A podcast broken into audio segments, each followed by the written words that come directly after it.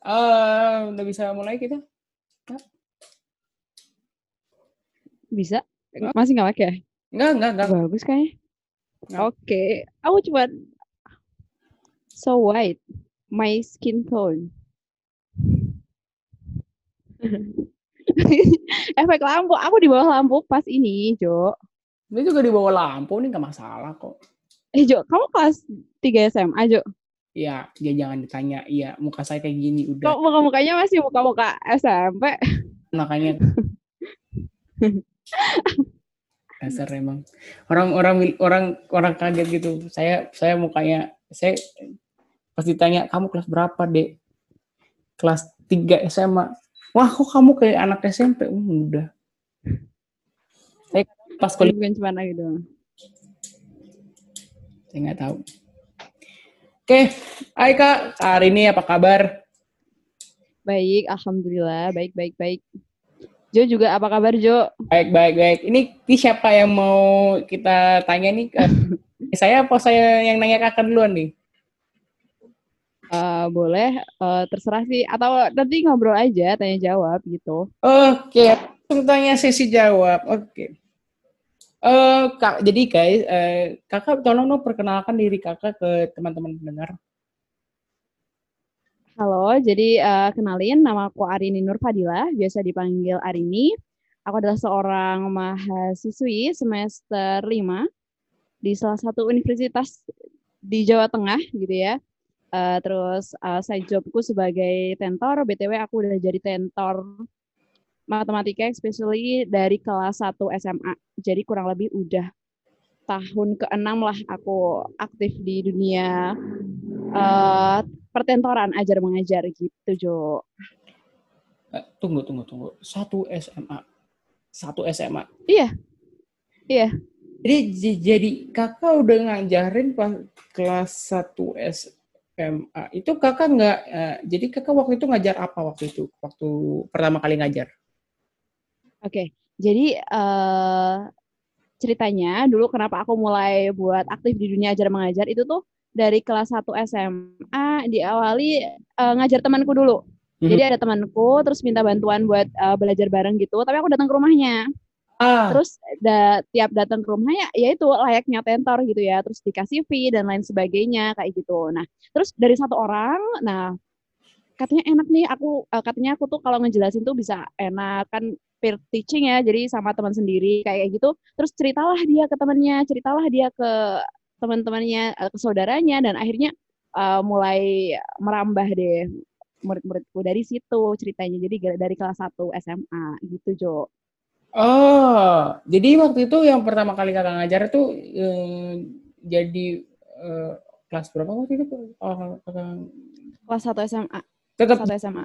sesama angkatan gitu, satu angkatan.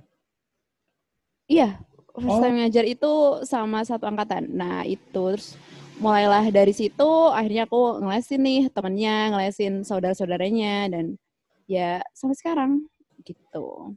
Mas sekarang baru ikutan bimbel masuk eh, bimbel masuk eh, apa, gitu ya kak? Ya, aku udah ngajar di sana udah dua tahunan ini sih, udah dua tahun ini kalau ngajar di situ. Sebelumnya aku lulus SMA itu juga sempat ngerintis bimbel juga sama kakak tingkatku di sini. Mhm. terus terus mulai ngajar beberapa bimbel aku juga pernah jadi tentor di beberapa SMA juga kayak gitu sih Tapi ya segitulah kalau emang yes tapi kalau dibilang ya SMA 1 itu kan tergolong kayak mudah banget kan kalau buat ngajar kan apalagi apalagi ngajar kan. Mm-mm. Tapi kenapa di- eh, mau mau aja gitu mau ngajar dari kelas 1 SMA? Em, kayak apa ya aku menemukan sesuatu yang nggak bisa dideskripsikan gitu loh ketika aku ngajar. Jadi kayak lebih ke ibaratnya kalaupun dari situ aku nggak dibayar ya nggak masalah karena aku senang ngelakuin itu.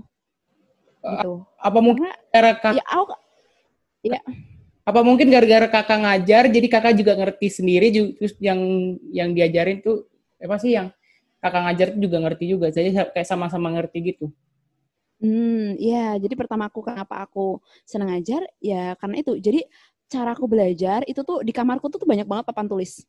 ah Banyak banget papan tulis dan caraku belajar itu adalah seolah-olah aku menjadi guru untuk diriku sendiri. Hmm. Dan menurutku itu strategi belajar yang efektif gitu loh sampai sekarang. Jadi ketika aku belajar gitu ya, uh, terus buat ngukur, aku sebenarnya udah paham belum sih sama materiku. Nah, aku ngajar sama diriku sendiri. Ya udah pakai ngajar, pakai papan tulis dan lain sebagainya. Sejak SMA emang udah terbiasa kayak gitu. Terus uh, dan ya udah berkembanglah sampai sekarang gitu Jo. Oh, jadi jadi jadi kakak uh, di kamar ada berapa papan tulis kalau di rumah? Aduh, aku kalau gitu satu, dua, tiga, empat. Ada empat papan tulis. Oh ya, empat sisi dan empat papan tulis. Ini empat, empat. Ah, tembok ini. Eh, Pak. Jadi masing-masing ada papan tulisnya. Tapi, ukur, tapi ukurannya juga nggak lumayan, nggak kecil juga kan? Uh, ya ada yang gede, ada yang kecil, ya lumayan lah. Tapi emang emang kayak gitu cara belajarku. Oh jadi jadi jadi dengan cara kakak belajar kayak belajar apa mengajar untuk diri sendiri tuh itu uh, sebuah apa um, sebuah hal yang efektif buat kakak gitu ngajar. Mm -mm.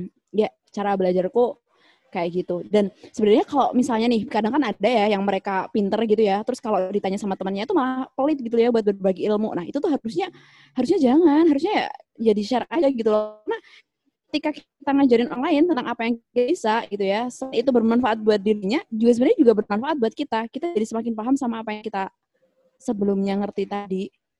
Gitu kalau aku bilang ya, kalau kalau kakak bilang gitu ya pelit ilmu ya sebenarnya sih pelit ilmu sih kagak. Cuman kalau dibilang ngertinya kag ngerti yang nggak ngerti ya saya juga bingung. Itu tuh kan juga tanggung jawab sendiri kalau kalau aku misalkan iya sih.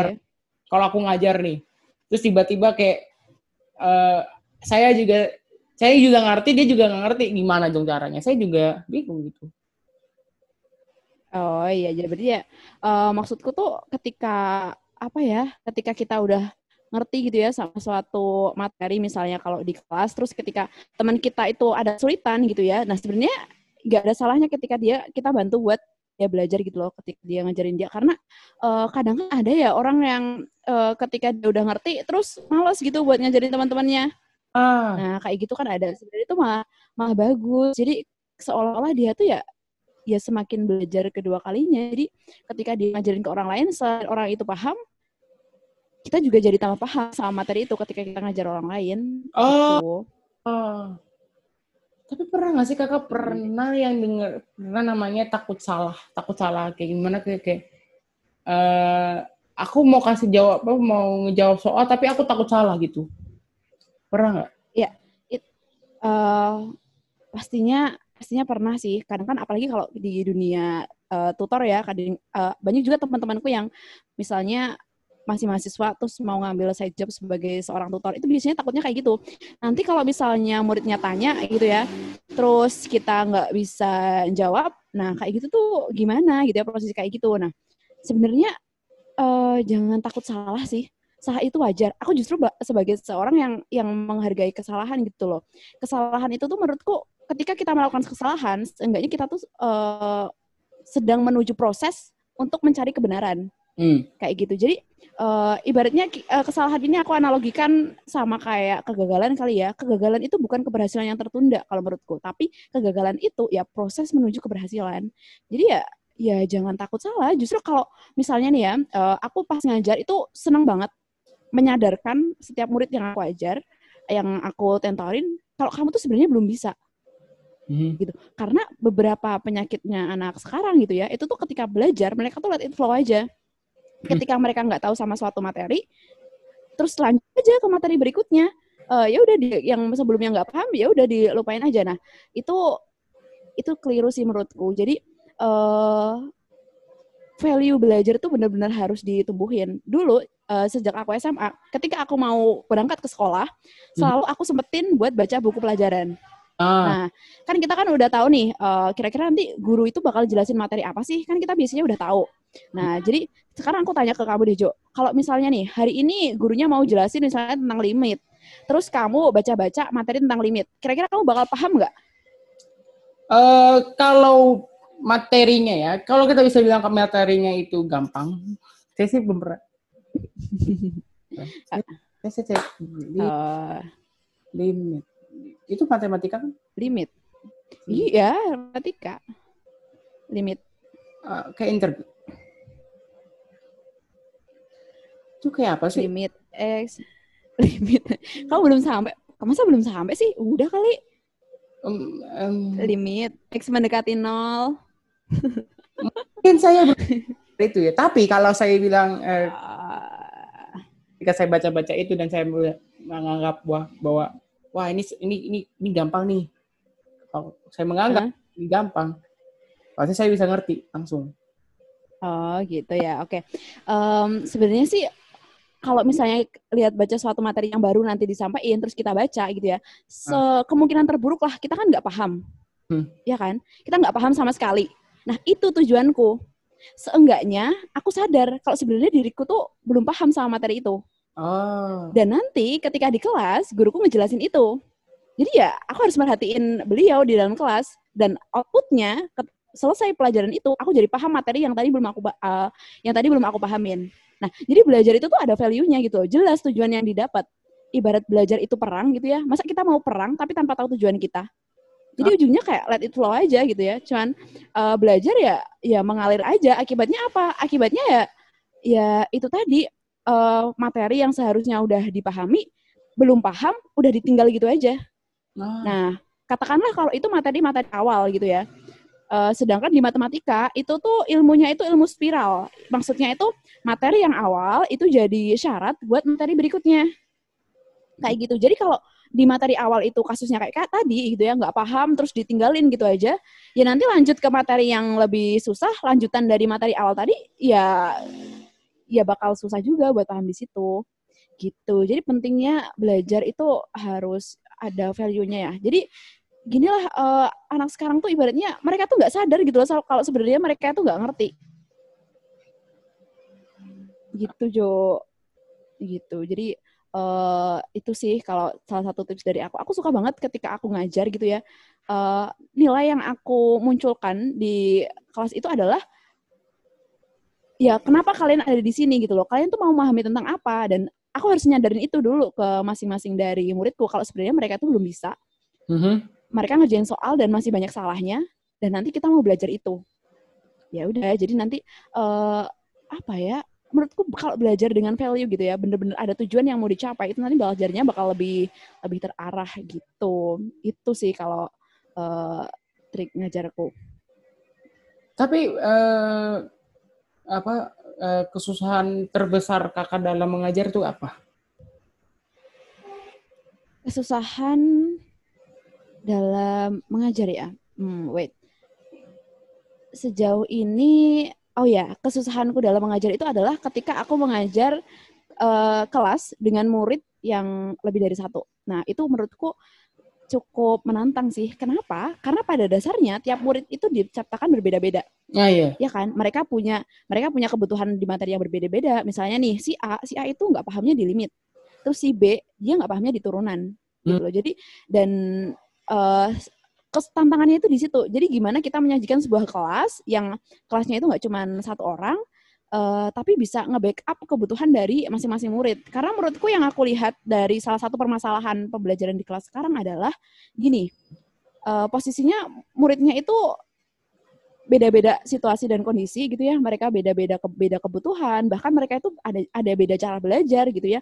Ada yang lebih suka cara belajar yang in- uh, direct gitu. Guru langsung menjelaskan materinya. Ada yang harus lewat uh, misalnya kinestetik harus praktek-praktek dan lain sebagainya. Nah masing-masing murid itu kan diciptakan pada dasarnya berbeda-beda. Tapi seorang guru ketika ada di dalam kelas itu tuh uh, dalam waktu tertentu mereka dituntut untuk menyelesaikan uh, suatu materi, suatu kompetensi ada target capaiannya. Nah, sering kali guru itu cuma menerapkan satu metode mengajar dan dan sangat mungkin buat menguntungkan beberapa murid aja. Jadi mereka yang cocok ya makin ngerti, yang nggak cocok ya makin ngerasa ya makin ngerasa jauh. Nah, itu sih salah satu tantanganku ketika eh, aku ngajar.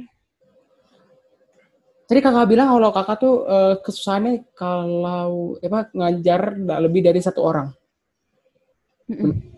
Jadi eh, kita bisa simpulkan kalau kakak ini lebih prefer privat ngajar privat daripada ngajar kelompok gitu. Benar?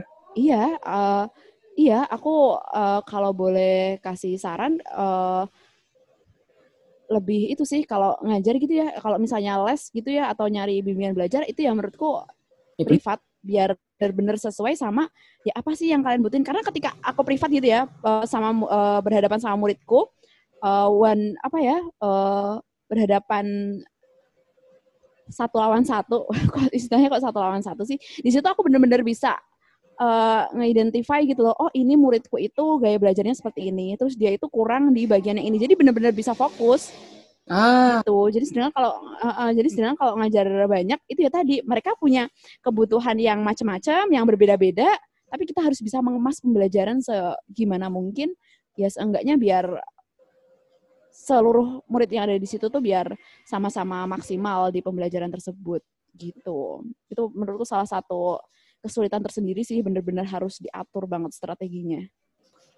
Dan uh, tadi bener sih aku aku aku ini um, sebenarnya lebih prefer yang namanya privat bener bener banget. Aku tuh lebih suka namanya privat daripada belajar kelompok Terakhir kali aku privat itu waktu aku kelas 3. Kelas 3 apa kelas 3 apa? SM, SD, SD, SD. Sorry, sorry. Uh, dari jadi aku oh, iya. um, privat dari kelas 3 SD sampai kelas 6 SD. Itu itu saya seneng banget yang namanya privat ya. Saya seneng banget namanya privat. Dan ya sampai kelas 7 pas kelas 7 S 1 SMP sampai 3 SMA gurunya nggak ganti eh eh gurunya ganti gurunya ganti tapi pas pas kelas 3 menuju menuju cari SMA baru atau enggak yang cari eh, eh buat UN saya waktu itu belajar dengan cara belajar kelompok maksudnya kayak eh, bimbel mm -hmm. ada yang ada yang namanya yeah. ada yang namanya BTA nah itu saya lesnya di BTA Nah, saya ini yang rasanya ada plus minus antara privat sama plus minus apa saya sebagai siswa ini ada plus minus buat belajar privat sama plus minus untuk belajar kelompok. Nah, yang privat hmm. ini saya yang aku aku rasain ya kayak bener kayak kakak bilang tuh jadi kayak lebih lebih tahu apa yang aku butuhin gitu loh ya kan yang kakak hmm. bilang itu jadi aku ngajar dia dan uh, dia ngerti gitu maksud aku aku kayak iya aku tahu yang dia butuhin gitu ya kan Iya, dan kalau kita mau request sama apa yang kita butuhin kan kita kayak buka nggak nggak nggak nggak ada rasa nggak enakan gitu kan. Kadang kalau di kelompok tuh kita mau ngeyel misalnya nggak paham nih sama masih nggak paham sebenarnya, tapi teman-temanku tuh udah ayo ayo lanjut lanjut lanjut. Nah kayak gitu, wah itu bener-bener, aduh sebenarnya sih aku juga sebagai tenter juga ngerasain hal demikian. Dan kalau dibilang uh, minusnya tuh privat itu kayak lebih sepi daripada kelompok ya nggak sih kayak ya ya kan kayak bosen ya bosen ketemu itu itu mulu itu itu mulu kalau kelompok kan kayak enggak gitu tapi kalau kakak sendiri sebagai ngajar plus minusnya privat sama kelompok itu kayak gimana? Oke, okay. kalau uh, plus minusnya pertama aku yang kelompok dulu ya. Kalau kelompok itu minusnya tadi uh, buat nyesuaiin kebutuhan masing-masing uh, murid, masing-masing uh, peserta di pembelajaran itu, ya tentor harus benar-benar ngatur strategi banget nih pembelajarannya mau dibikin kayak gimana. Nah itu uh, minusnya. Terus sering kali kalau pembelajaran kelompok itu ya tetap ya tetap akan ada merasa mereka itu tetap susah gitu loh kalau harus dapat capaian yang sama nanti tetap uh, akan ada gap lah di beberapa murid walaupun nggak banyak itu tetap akan ada gitu terus hmm. kalau plusnya itu ketika di uh, belajarnya itu kalau kelompok itu kan nilai kooperatifnya dapat nih. Jadi interaksinya bisa lebih nyambung terus uh, suasananya bisa lebih hidup. Nah kayak gitu. Jadi kalau kelompok tuh uh, buat tanya pendapat dia, eh terus tanya pendapat satunya. Jadi apa ya uh, interaksinya lebih main lah di uh, kelompok di pembelajaran kooperatif dan yeah. ya itu juga seru juga sih sebenarnya. Terus kalau privat itu ya keuntungannya ya lawannya yang di kelompok tadi. Kalau keuntungannya itu uh, aku sebagai tutor bisa benar-benar tahu gitu ya bisa bisa benar-benar nge-identify apa sih kebutuhan uh, muridku ini gitu loh. Sedangkan dan kita bisa lebih ke personal teaching gitu loh, bener-bener ngajar. Ya udah aku fokus buat ngajarin kamu dan lebih apa ya capaian targetnya itu lebih lebih gampang buat di ditentuin dan buat diraih kayak gitu. Terus um, mm-hmm. kalau kelemahannya ya itu tadi sih. Mungkin sepi kali ya. Jadi uh, dan pembelajarannya itu kalau misalnya pembelajarannya privat itu gaya belajarnya biasanya itu itu aja sih. Biasanya direct kan langsung langsung diajarin gitu kan. Sedangkan kalau pembelajarannya kelompok itu bisa lebih variasi. Misalnya oh gantian temennya yang ini yang jelasin. Terus ini coba kasih pendapat dan lain-lain. Nah itu bisa lebih rame gitu kalau menurut aku Uh, kakak pernah terapin itu nggak sih yang kayak, kayak tadi kakak bilang itu yang sistem uh, kelompok tapi yang ngajar tuh kayak tuker-tukeran gitu? Pernah, pernah, pernah aku terapin di suatu kelas. Cuman uh, balik lagi kalau sebenarnya ngajar uh, kelompok itu tuh gini, kalau aku bisa uh, ngasih pendapatku pribadi ya, uh, untuk capaian materi yang sama, untuk privat itu misalnya cuma butuh waktu 60 menit katakanlah. Nah, kalau dia dibuat kelompok itu seenggaknya butuh waktu satu setengah kali lipat. Jadi misalnya kalau sama-sama ngajar satu satu bab ya, kalau privat itu bisa selesai dalam waktu 60 menit, kalau buat kelompok itu seenggaknya butuh waktu 90 menit. Nah, itu. Jadi uh, karena gini, kalau mau dibuat variasi, variasi pembelajaran itu kan banyak. Kalau aku sebutin kan ada jigsaw, ada pembelajaran STAD, ada pembelajaran GI, group investigation. Jadi banyak banget sebenarnya metode-metode pembelajaran dan itu seru sebenarnya kalau kita terapin di pembelajaran-pembelajaran kelompok walaupun di uh, les gitu. Cuman biasanya pas les itu tuh tantangannya itu di satu waktunya. Waktunya tuh benar-benar terbatas, terus mereka uh, lebih di apa ya? lebih tinggi uh, target capaiannya harus paham materi ini nanti lanjut lanjut lanjut lagi jadi ya agak kesulitan kalau harus nerapin model pembelajaran yang lain-lain kayak yang jigsaw. Jigsaw itu seru banget, Jo. Mm-hmm. Jadi uh, jigsaw itu eh? nanti misalnya nih, misalnya ada delapan, uh, singkatnya gini, misalnya dalam satu kelas itu ada delapan orang. Ya, delapan orang itu uh, kita bagi jadi empat kelompok. Ya, kita bagi jadi empat kelompok. Misalnya di uh, pembelajaran itu ada dua materi yang mau kita pelajarin. Nah, terus kita bagi jadi empat kelompok. Nah, empat kelompok itu kan berarti satu kelompok ada dua orang. Nah, masing-masing orang itu dapat satu materi yang harus mereka pelajarin. Jadi misalnya di kelompok satu itu ada satu orang yang mempelajari materi A, satu orang yang mempelajari materi B. Di kelompok dua juga demikian, ada satu orang yang mempelajari materi A, satu orang mempelajari materi B, dan seterusnya sampai nanti di kelompok empat. Terus mereka yang sama-sama mempelajari satu materi itu dikumpulin jadi satu. Oh. Terus mereka diskusi di situ. Mm-hmm. Jadi mereka keluar dari kelompoknya itu namanya export group. Nah mereka dikumpulin, jadi mereka diskusi tentang uh, materinya dan nanti uh, setelah selesai diskusi mereka kembali ke kelompoknya tadi yang satu orang eh yang satu kelompok dua orang tadi terus mereka jelasin ke temannya apa sih yang didapat di diskusi materi tadi kan masing-masing anggota kan punya materi Nah, itu di, dijelasin ke temannya, saling ngajar. Nah, itu menurutku itu sebenarnya salah satu itu sih metode belajar yang lagi pengen aku terapkan sebenarnya. Cuman sering banget itu terkendala waktu. Karena di metode pembelajaran kayak gitu, nggak mungkin nanti ada yang pasif. Semuanya pasti ber, uh, semuanya pasti aktif gitu loh. Semuanya punya uh, tanggung jawab masing-masing buat paham sama suatu materi dan menjelaskan ke teman-temannya. Jadi ya suasana pembelajaran itu bakal lebih hidup. Oh. Gitu. Kamu pernah nggak dapat itu uh, guru yang ngajar pakai metode kayak gitu? Pernah? Oh. Yang jigsaw yang tadi kakak itu, yang jigsaw itu. Iya.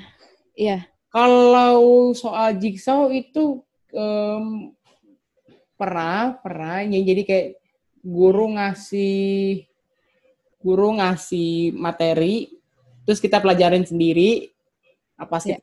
pelajarin itu nanti kayak kita harus pakai bo boleh lah pakai teknik PPT PowerPoint gitu kan hmm. boleh pakai teknik ya lisan secara lisan gitu pernah gitu itu pernah sih pernah jadi itu uh, guru biologi guru biologi uh, dia ngajar kita dengan cara itu salah satu materi ya salah satu materi salah satu materi yang um, yang mencakup bukan cuma di IPA doang tapi di IPS. Makanya kita gali terus kita cari-cari soal materi itu.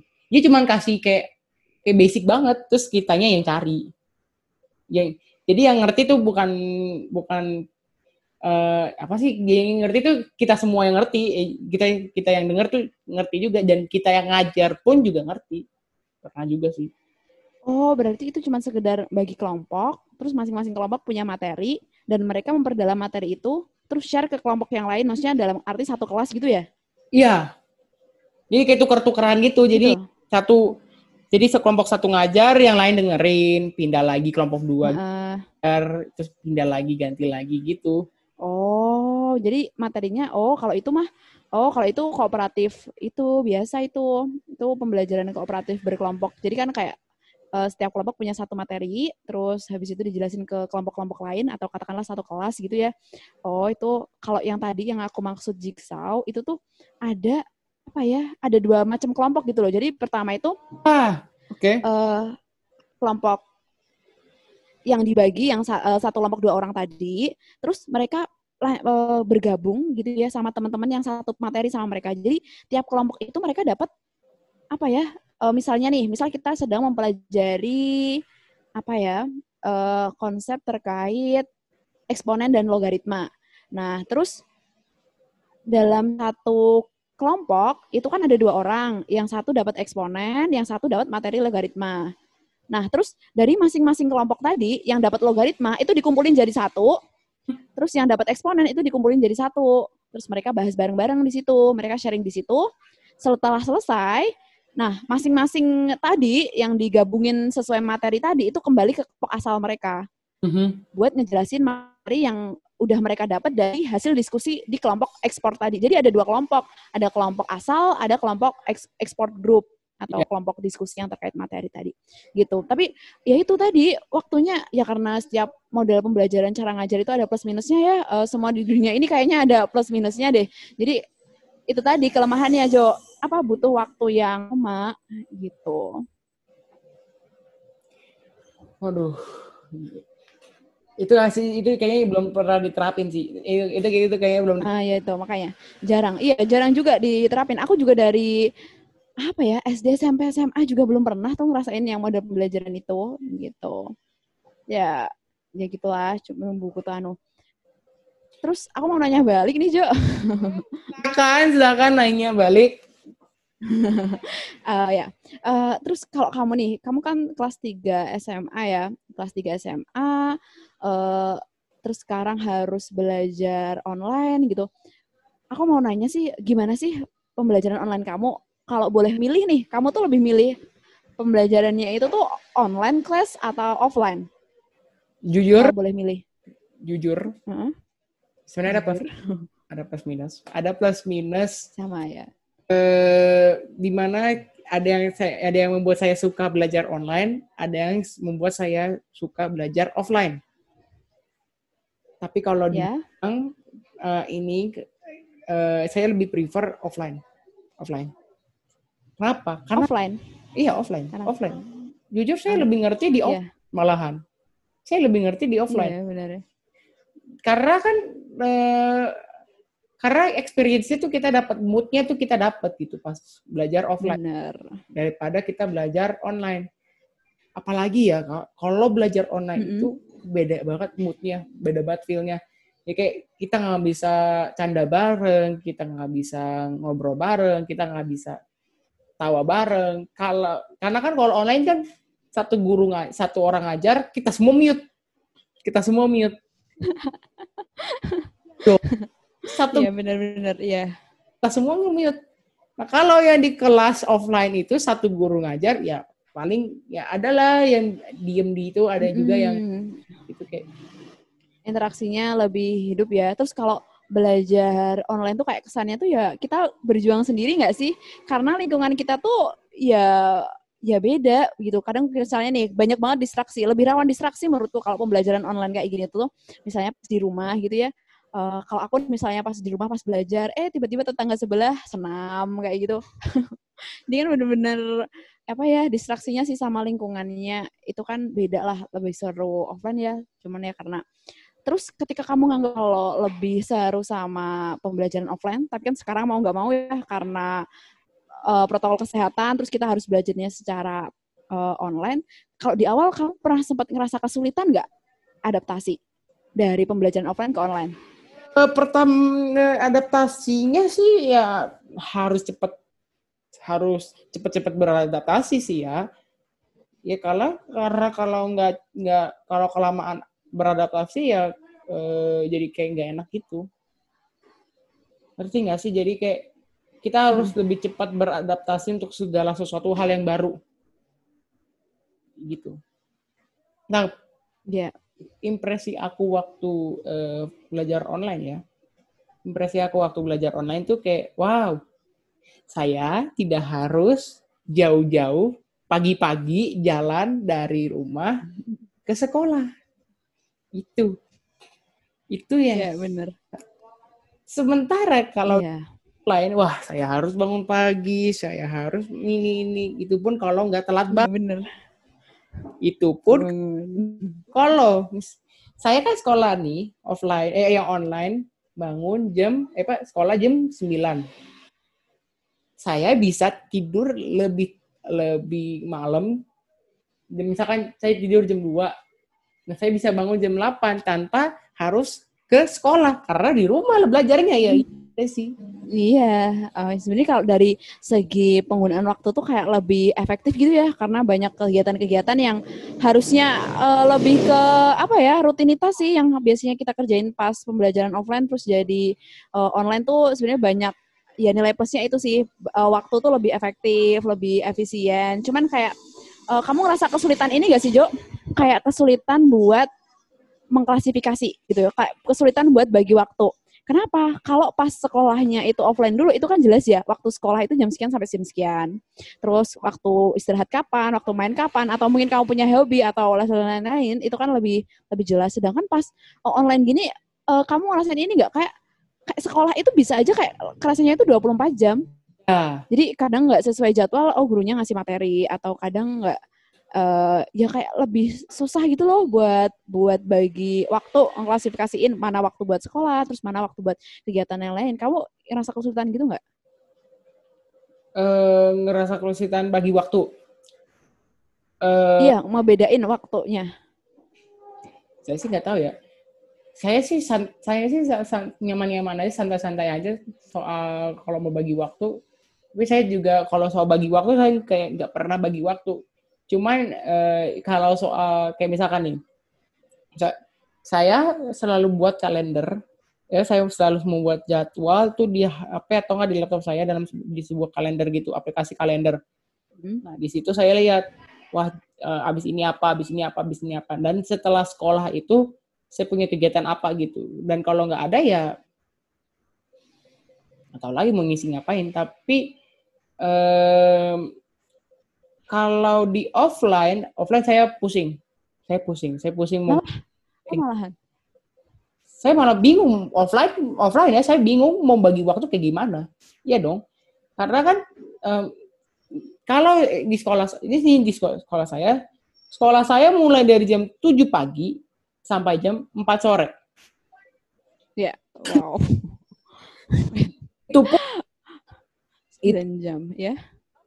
Um, jam 4 sore itu itu belum uh, belum lagi les, belum lagi uh, apa balik pulangnya gitu, pulang ke rumah itu itu pun uh, butuh waktu nambah berapa jam lah.